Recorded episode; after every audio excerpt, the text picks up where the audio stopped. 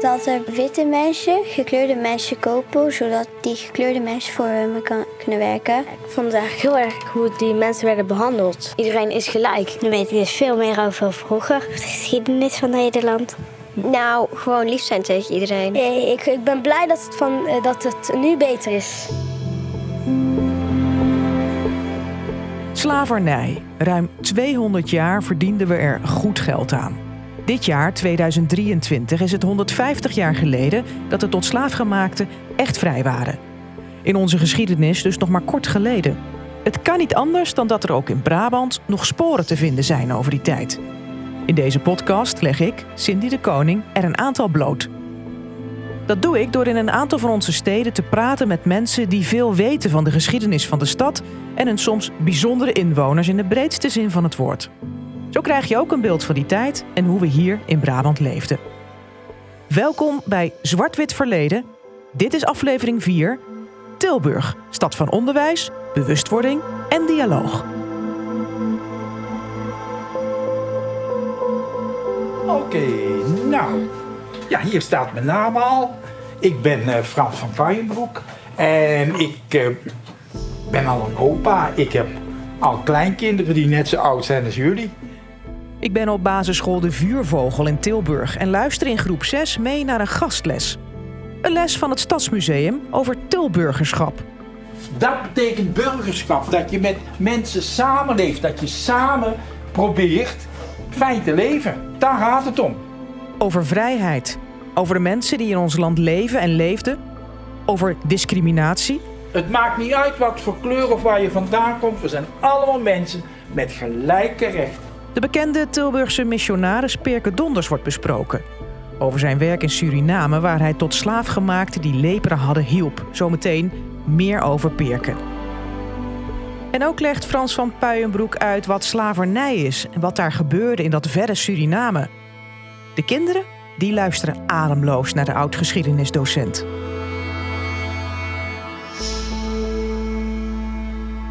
Geen vrijheid. Dat was dus lot van een slaaf. Je bent niks meer. Je bent geen dubbeltje waard.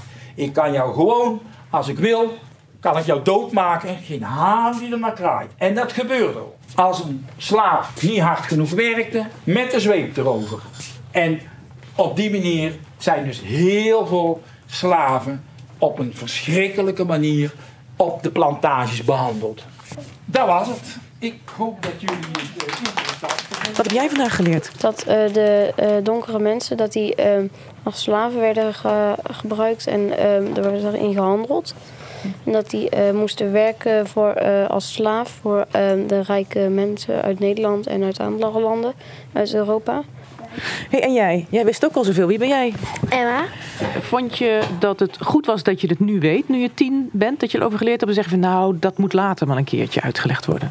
Ja, ik vind het wel goed.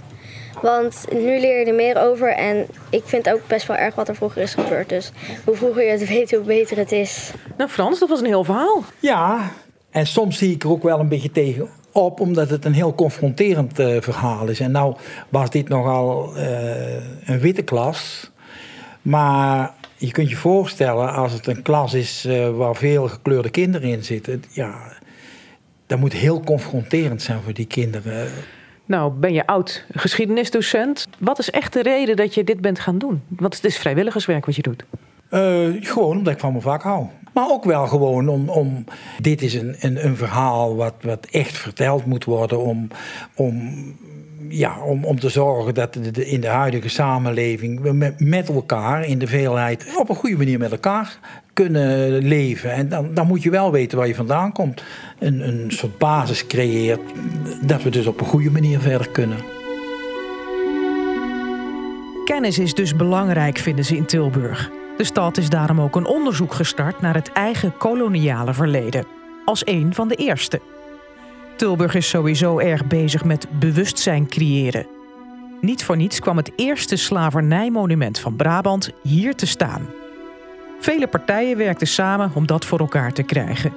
En nu heeft het sinds 1 juli 2022 een plek achter het station, midden in de vernieuwde spoorzone.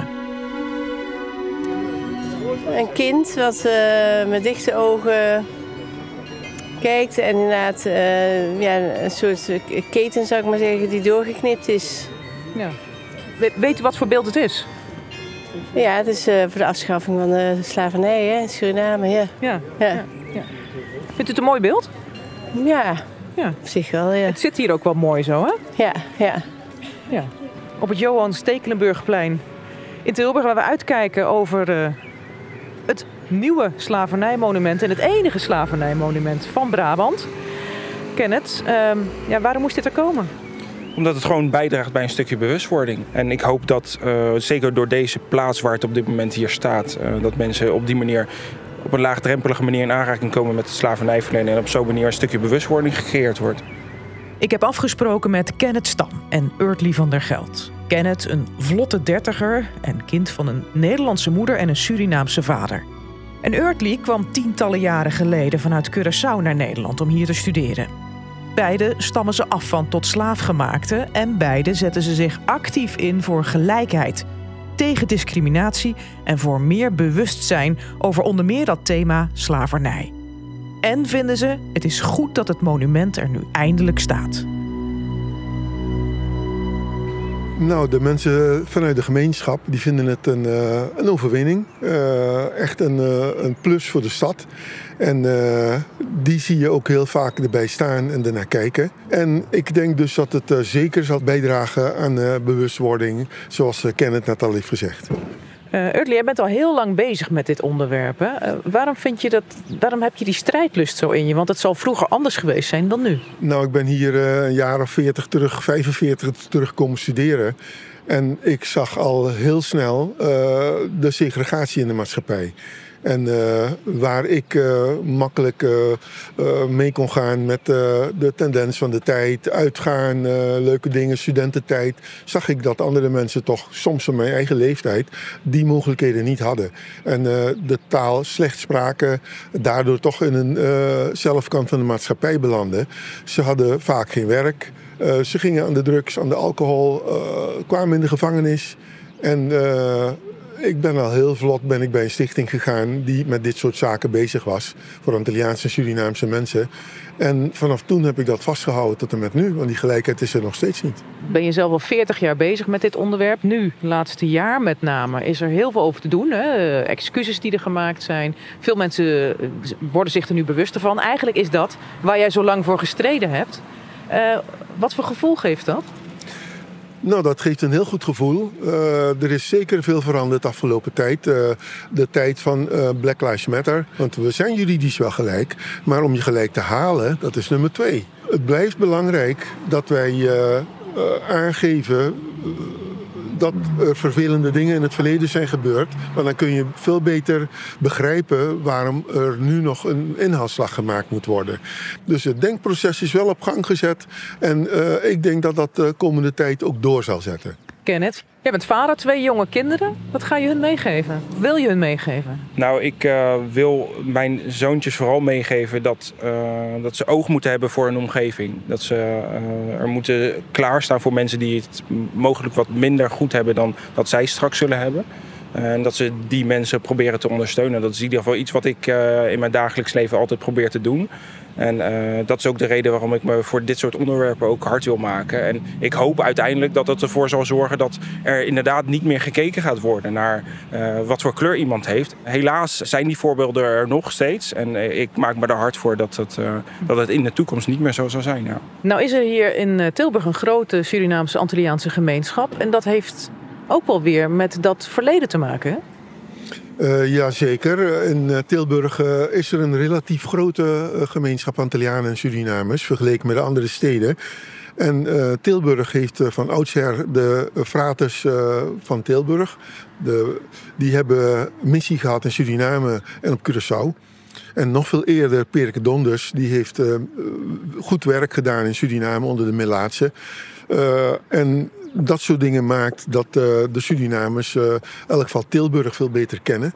En ik heb een praktijkvoorbeeld, want ik heb een, op Curaçao op de middelbare school die laatste vier jaar heb ik een pastoor gehad die een Tilburgse frater was. En hij heeft dus vaker over Tilburg verteld. En toen ik moest kiezen, economie in Groningen of in Rotterdam of in Tilburg of in Amsterdam, toen heb ik voor Tilburg gekozen, want daar wist ik meer vanaf.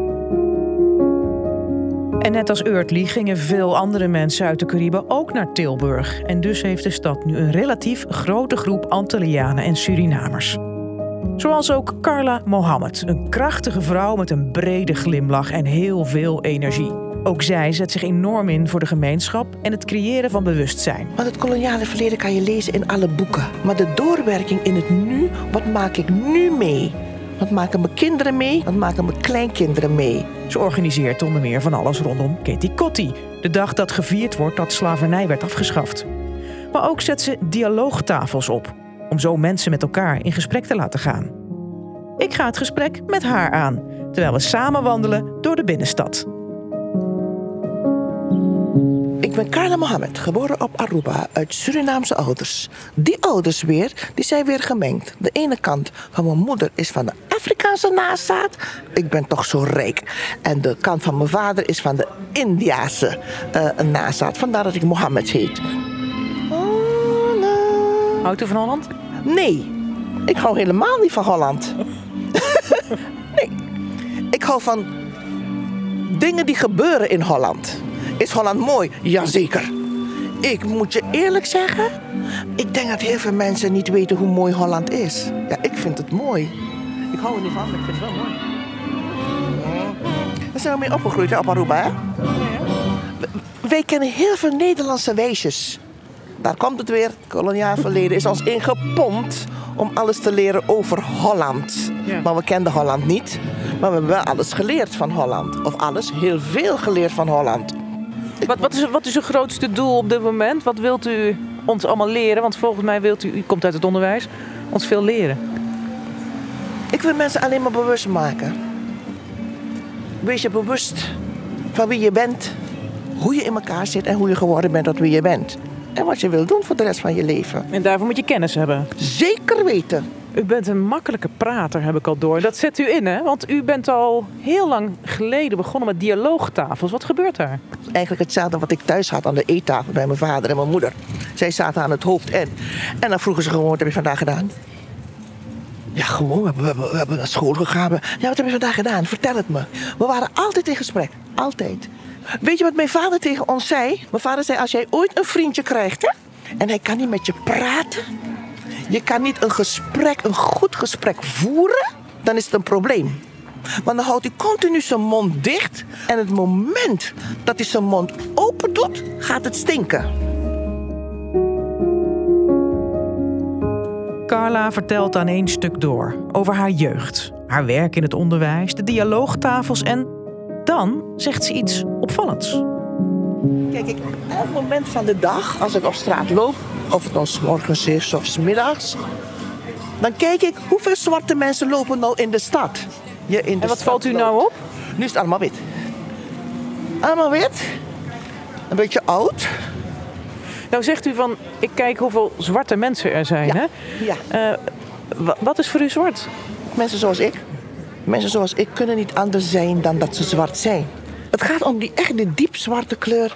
Uh, uh, mensen zoals wij met kroeshaar, dikke lippen, dikke neus. Dat zijn de mensen die er last van hebben. De meeste last van hebben. Ja? Heeft u er last van? Jazeker. Elke dag. Ho hoe dan? Ik kom mij gewoon als een hele vriendelijke, toegankelijke, aardige mevrouw bezig met een mening. Ben ik ook. Maar die mening, heel veel mensen willen die mening niet horen. Maar ja, heb ik last van mijn kleur? Jazeker. Als ik winkels inloop, het begint minder te worden. Dan kijken ze je zo aan.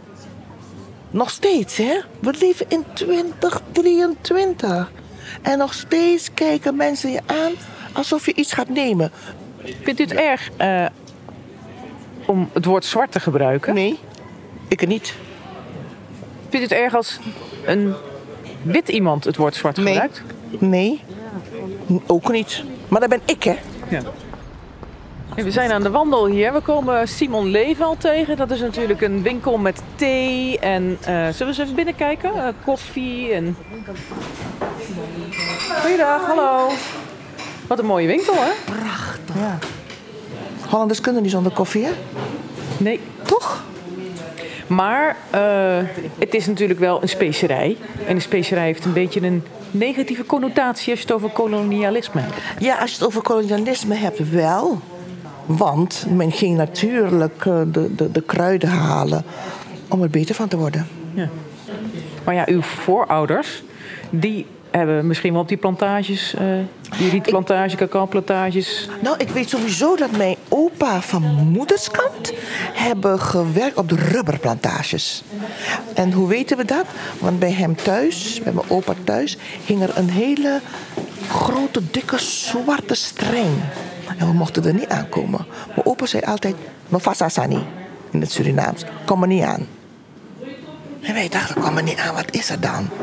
En toen hebben we gevraagd van waarom. En toen zei dat is een balata. En balata wordt gemaakt van rubber. En daarmee werden de slaven geslagen. En toen zei opa, ben jij geslagen? Hij zei, nee, ik niet. Maar mijn vader wel. Dat is toch triest, hè, als je dat hoorde toen. Terwijl Carlo vertelt over die balatta van haar overgrootvader, komt de winkelbediende naar ons toe. Ze is 23 en vraagt Carla of ze ook naar het Katie Kotti mag komen. Ik ga speciaal een uitnodiging hier voor je brengen. Oh, dat is aardig. Jazeker. Ik ga dat wat mooi, wat mooi dat je het ook komt vragen. Maar waar zit je twijfel? Is het vanwege je huidskleur dat je denkt van ja, dat, dat kan ik niet maken? Of, nou, het is meer van misschien weet ik er niet genoeg van af, weet je wel. En ik wil ook niet heel respectloos overkomen. En misschien ook een beetje vanwege mijn huidskleur. Ik weet niet hoe het is om ja, ik zeg soms getint, want ik wil niemand beledigen. Ik, ja, ik weet niet hoe dat is eigenlijk. Dus... Ik begrijp je helemaal. Dat is die hele discussie. Je mag mij gewoon zwart noemen hoor. Maar je bent dus welkom. Nou, toch? Je bent welkom. Ik weet je nog. Ja, wat leuk hè? Het is ook precies wat ze doet. Dialogen aangaan. Zo simpel, zo spontaan. Ja. Ik ben helemaal blij met je. Geef me een brassen. Ja, ja. dat is leuk je te ontmoeten. Ja, fijn. En na een dikke knuffel en brassa tussen de twee, zeg ook ik dag tegen Carla. Want ik wil graag nog meer weten over Tilburg en over de sporen van slavernij.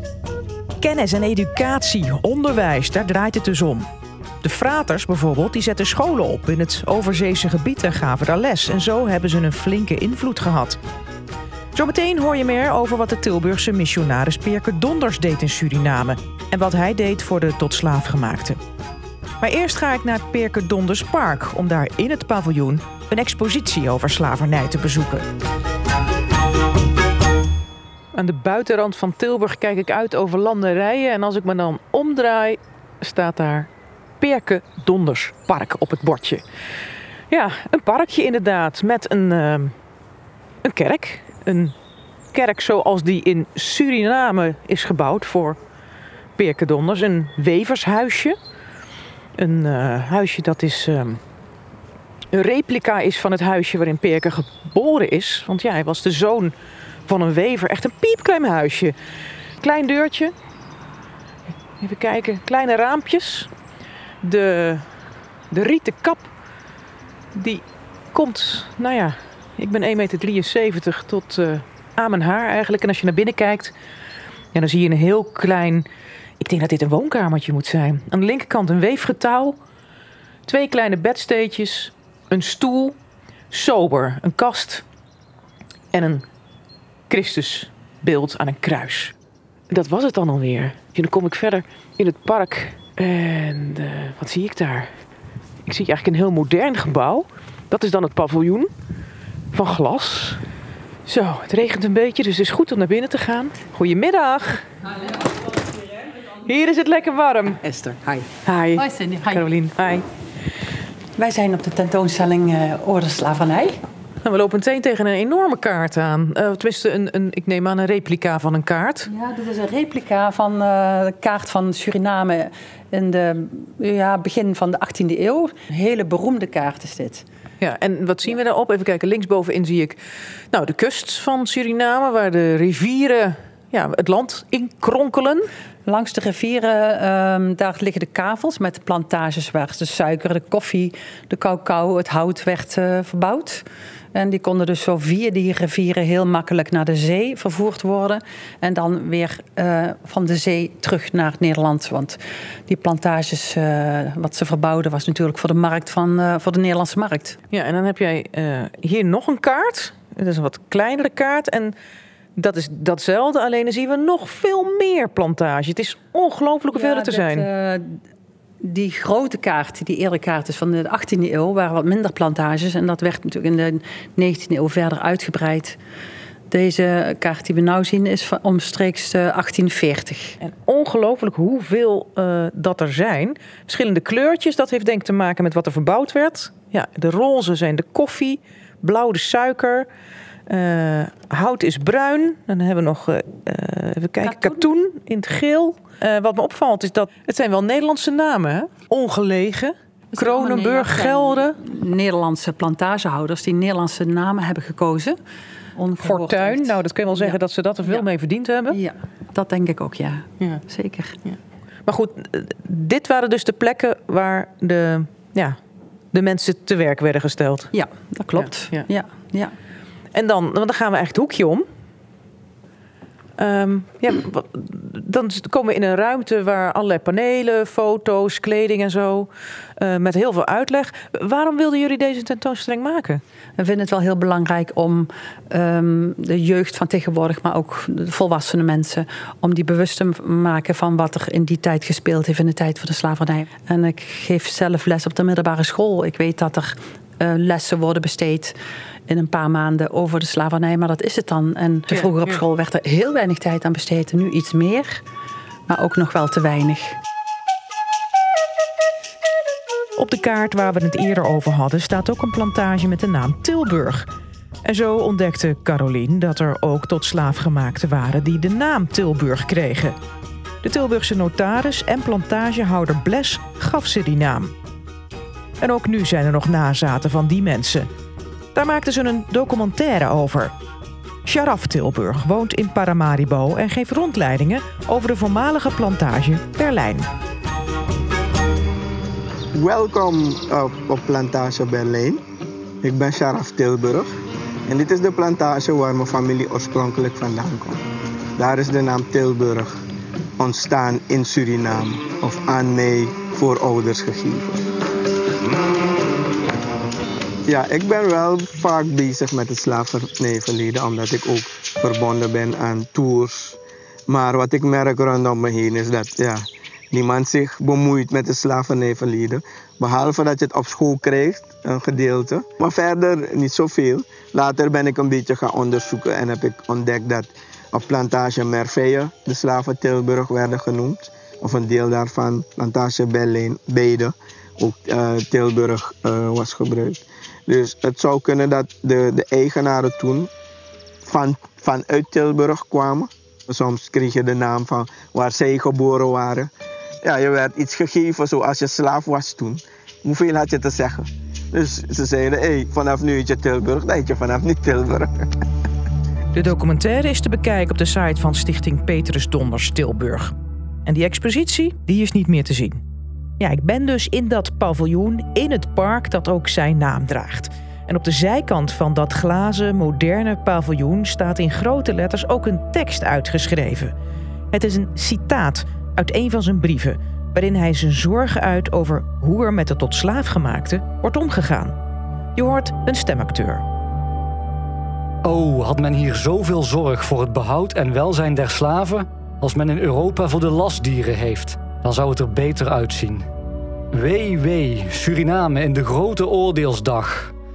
Wee, wee, ja, duizendmaal wee den Europeanen, den eigenaren van plantageslaven, den administrateuren, den directeuren en blankofficieren, die allen over de slaven heersen. Ongelukkig zij die zich met het zweet en bloed verrijken van die arme slaven, die geen verdedigers vinden dan God. Maar wie was die Petrus Donders eigenlijk? Dat kan Esther Becks me vertellen. Ik ontmoet haar in de kapel in het park. Ja, kom, dan gaan we de kapel binnen. Helemaal van hout voornamelijk. Halletje? Uh, naar een Surinaams voorbeeld. Want dat moest natuurlijk, want uh, Perke die is naar Suriname gegaan. En uh, als we dan naast zijn geboortehuisje een kapelletje neerzetten... dan moet dat wel echt refereren aan die tijd die hij in Suriname heeft doorgebracht. Want dat is het belangrijkste in zijn leven eigenlijk. Ja, ik hoor je, maar ik zit even om me heen te kijken wat ik zie. Uh, het is een houten kapel. Hij is gemaakt door architect Jos Donders. Je zou kunnen zeggen een achter-achter-achterneef ja, uh, van Perken. Ja. En Jos Donders die heeft in Tilburg heel veel gebouwd. Maar voor deze kapel kreeg hij expliciet de opdracht om het in Surinaamse stijl te doen. Dus je ziet, het is helemaal gebouwd uit hout. Uh, want in de tropische streken bouwen ze in hout. Daar hebben ze geen bakstenen zoals hier. Mooie bankjes, kerkbankjes van hout, lambrisering een uh, piano. Uh, en ja, hele grote schilderijen van. Perke hemzelf, hè? Ja, ja, ja aan beide kanten. Ja, die boven het altaar, dat is de beroemdste. Daar zit Perke als het ware heel beschermend uh, om. Geknield? ja, geknield. Met uh, twee melaatsen, zoals we dan weten uit de overlevering. En dat zouden voormalig tot slaafgemaakte kunnen zijn. Dat zou kunnen, dat weten we niet. En op de achtergrond zien we dan ook nog de Melaatse kolonie Batavia, zoals die genoemd werd in Suriname. Suriname, waar hij 40 jaar van zijn leven gewerkt heeft om die arme mensen toch maar een uh, ja. iets beter bestaan te geven. Ja. Want dat is zijn uh, link met het slavernijverleden. Ja, hij kwam aan in eerste instantie in Paramaribo als hulpje van de bisschop toen. En hij kwam al heel snel in aanraking met, zoals dat toen heette, de stadslaven. En hij heeft al heel snel in brieven naar huis, naar zijn de opleiding. Uh, hij stuurde heel veel brieven, zoals wij nou in de groepsapp zitten. Uh, zei Perke van, nou, dit is echt niet oké wat hier gebeurt. En hij, uh, ik parafraseer even, want hij zegt het dan heel ouderwets. Hè? Oh, wee, wee. Hè? maar hij zegt eigenlijk van, nou, in Europa hebben de ezels het nog beter dan die tot slaafgemaakte hier. En later dan wordt hij uitgezonden om die leproze kolonie Batavia, zoals het dan heette, te gaan uh, leiden. Tot, totdat hij daar kwam, uh, kwam er één keer in de week kwam er een schip vanuit Paramaribo naar die leproze kolonie. En die dumpte dan gewoon wat voedsel uh, aan, op de kade. Want de matrozen durfden niet eens uit te stappen. Want ze waren, waren bang dat ze ziek werden. Tuurlijk, het was super besmettelijk. Ja. Toen Perke er kwam, ging hij dat gewoon netjes verdelen. Iedereen krijgt wat te drinken, iedereen krijgt wat te eten. Die wonden, die zijn er. Ik kan de ziekte ook niet genezen, zijn Perken, maar ik kan wel zorgen dat het allemaal zo schoon mogelijk blijft. En natuurlijk, het was een missionaris, dus er werd ook wel heel veel gebeden en uh, liedjes gezongen en missen gedaan. Maar uh, in zijn vrije tijd timmerde hij ook doodskistjes, want uh, dat was natuurlijk ook een werk van barmhartigheid, hè, de doden begraven. En hij zei, ja, die mensen die hebben eigenlijk het meest verschrikkelijke leven geleid wat je maar kunt voorstellen. Hè. Maar in ieder geval hebben ze uh, de zekerheid dat we ze netjes begraven. En, uh, nou, en dat is een. Uh, ja, dat is een drijfveer geweest. En dat is waar, ja, waarom zeker ook hier in Tilburg mensen toch wel eigenlijk heel trots zijn op Perken. Ja. En ook in Suriname en, en zijn ja. ze nog steeds heel ja. erg. Ja blij met hem. Ja, in Suriname noemen ze hem geen Perke. Dat is echt hier iets van Brabant. In Suriname zeggen ze Petrus Donders. Hij is daar uh, diverse malen herbegraven. Eigenlijk steeds in een mooiere plek. En hij ligt daar nu uh, ja, in een hele mooie graf in de kathedraal van Paramaribo. Dat is dus ook een bedevaartsoord geworden. En uh, in principe gaan ze één keer in de maand ook op bedevaart naar die voormalige leprozenkolonie Batavia. Dat is ook een flinke reis hoor, vanuit uh, Paramaribo. Om ook daar uh, te bidden voor, ja, voor Perken eigenlijk. En wat Perken voor hun kan betekenen. Ja. Perke Donders is nooit meer teruggekomen naar Nederland. Hij is in Suriname gestorven op 77-jarige leeftijd. Zelf is hij overigens nooit besmet geraakt met lepra. Hij is wel zalig verklaard vanwege zijn werk wat hij deed. En dan moet ik het toch nog wel even hebben over die maatschappelijke onrust die er is over een bekend beeld van hem. Dat staat in het Wilhelminapark in het centrum. Een groot beeld dat 100 jaar geleden werd gemaakt. Een beeld waar hij rechtop staat. In zijn rechterhand houdt hij een kruis omhoog. Voor hem knielt een donkere Melaatse man. En die man die kijkt omhoog naar Perke, die zijn andere hand op zijn hoofd legt. Er zijn mensen naar de bestuursrechter gestapt omdat ze het zien als discriminatie en onderdrukking van de zwarte mens. Ze vinden dat het uit het openbare park weg moet en dat het thuis hoort in een museum. Maar de rechter oordeelde in mei dat het meer een zaak is voor de burgerrechter. Voorlopig staat het beeld er dus nog. De gemeente plaatste er wel een bordje bij dat uitleg geeft. Ik vraag Esther naar wat de stichting Peerke Donders, waar zij voor werkt, van deze kwestie vindt. Ja, wij vinden dat uh, uh, een, uh, ja, een lastig verhaal. Kijk, we hebben natuurlijk respect voor mensen die daar anders over denken. Maar ik denk dat mensen wel gebaat zouden zijn bij het verhaal waarom dat zo wordt afgebeeld. Kijk, het is in een andere tijd ontstaan. Ik denk dat we nu de afbeelding van wat daar bedoeld wordt niet zo zouden doen.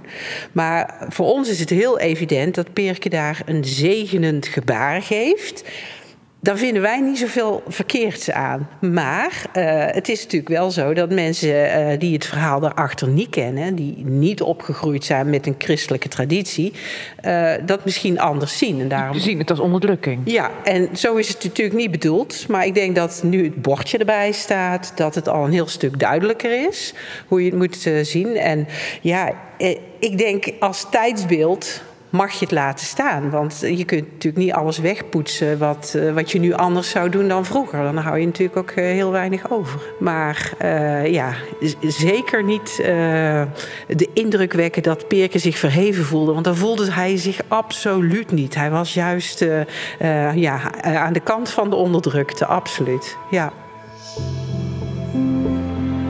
De komende tijd zal moeten uitwijzen of het beeld blijft staan of toch naar een museum gaat.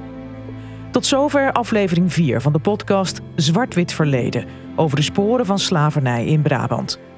In de volgende aflevering blijf ik in Tilburg en omgeving en volg ik het spoor van Johannes Pauli, een vrije tot slaaf gemaakte man die met zijn voormalig eigenaar naar Tilburg kwam en uiteindelijk veldwachter werd in Hilvarenbeek. Maar dat was geen gemakkelijk leven. De mensen keken op, hun, op hen neer, zeker op Johannes Pauli. Hij werd gewoon met de rug aangekeken. Zijn familie werd, uh, werd niet omarmd. Hij is altijd ja, ofwel slaaf geweest, ofwel een soort semi-vrijheid. Maar de anderen hebben altijd voor hem de keuzes bepaald. In deze podcast vertellen we de verhalen zo goed als mogelijk. Ieder verhaal heeft meerdere kanten. Wij kiezen geen kant, dat mag je zelf doen. Deze podcast was er niet gekomen als niet al mijn enthousiaste gasten hadden meegewerkt en meegezocht naar die verhalen uit Brabant.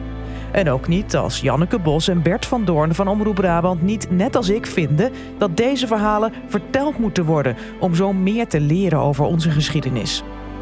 Ben je enthousiast over deze podcast en wil je dat meer mensen hem beluisteren? Geef hem dan een like. Reageren kan ook via podcast.omroepbrabant.nl. Tot de volgende.